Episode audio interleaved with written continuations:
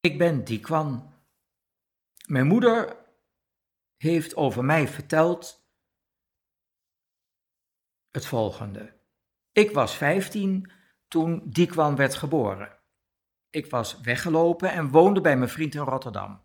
Toen hij was geboren, moest ik van jeugdzorg terug naar mijn moeder, omdat ik minderjarig was.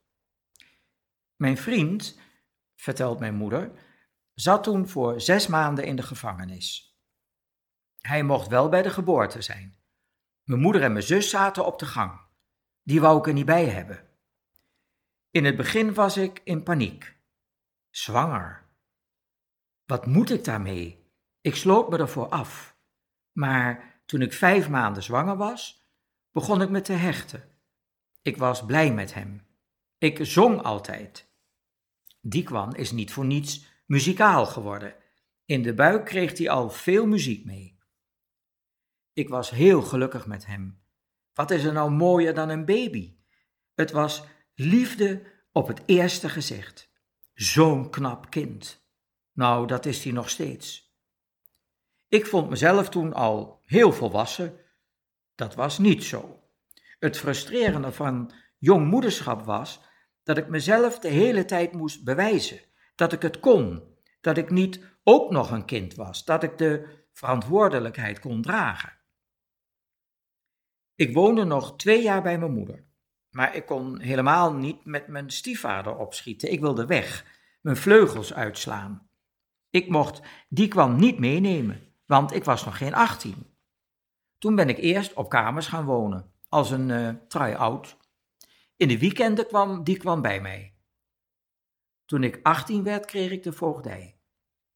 Even later kwam die volledig bij mij. Na een jaar kreeg ik een nieuwe vriend en was zwanger van mijn tweede kind. In de weekenden ging die nog naar mijn moeder. Ik probeerde dat wel af te bouwen. Brengen en halen was altijd een drama. Hij wilde niet bij mijn moeder weg. Het deed vooral veel pijn dat hij liever bij mijn moeder leek te zijn. Hij heeft een goede band met mijn moeder.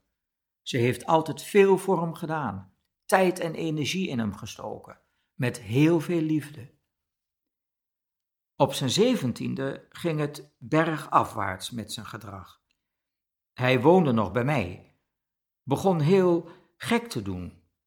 Ik zei: Als jij denkt dat je oud genoeg bent, moet je maar op jezelf gaan wonen. Mijn moeder vond dat heel zielig. Dat kon helemaal niet. Toen heeft zij hem weer in huis genomen. Maar het werd erger en hij raakte in een psychose. Diekwan had moeite op school. Niet zozeer met leren, maar met autoriteit. Hij lag altijd in de clinch met leraren.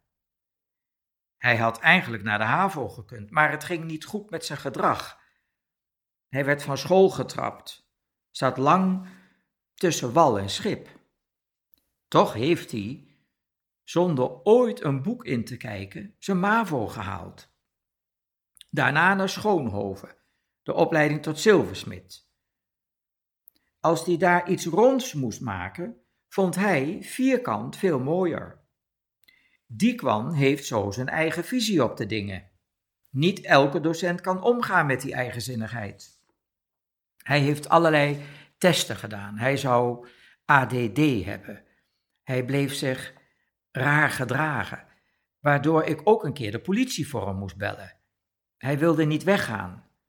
De politieman die aan de deur kwam, zei toen: Er is iets met hem. Ik heb ook een dochter die autistisch is. Deze jongen heeft ook iets bijzonders. Niet lang daarna werd hij door de politie opgepakt, omdat hij ruzie met zijn opa had gekregen. Toen hebben ze meegenomen. In de cel zagen ze dat hij veel in zichzelf sprak. Er was iets aan de hand, maar hij vond van niet. Hij wou geen medicatie, wou nergens aan meewerken. Dat heeft heel lang geduurd. Toen kwam hij in Delta terecht, is toen toch gedwongen met medicatie begonnen. Hij werd daar heel moe van en dik en depressief. Hij heeft lang tegen de medicatie gevochten, tot hij mocht stoppen. Maar ook dat ging weer niet goed. En nu gebruikt hij het weer. Misschien toch beter. Hij doet atletiek en theater. Daarvoor lag hij de hele dag op bed. We weten nog steeds niet wat hij precies heeft. Ze testen hem nu op autisme. Hij is 25 jaar. Voor hij ziek werd, had hij een relatie met een meisje. Van zijn dertiende tot zijn negentiende. Vlak voor die werd opgenomen, ging het uit. Als iemand je na zes jaar ineens niet meer ziet staan en je zit ineens in de kliniek, nou, dat is niet goed voor je zelfbeeld. Over meisjes praat hij liever niet met mij. Dan ga ik allemaal vragen stellen en dat wil hij niet. Onze band is wel heel ingewikkeld, heel moeizaam de afgelopen jaren. We zijn nu pas weer een, een beetje in gesprek. Ik heb dagelijks wel verdriet om hem. Hij krijgt overal maar nee te horen en dat dingen niet kunnen.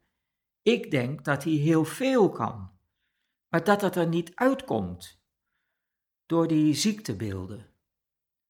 Hij zou een goede vader kunnen zijn, die moeite doet voor zijn kind. Alleen zou hij moeite hebben met opruimen. Maar dingen overbrengen en leren, zou hij met heel veel liefde doen. Ik heb vijf kinderen en één moederhart. Die kwam neemt daar een bijzondere plaats in. Hij is mijn eerste kind, mijn eerste ervaring met moederschap, mijn eerste liefde eigenlijk.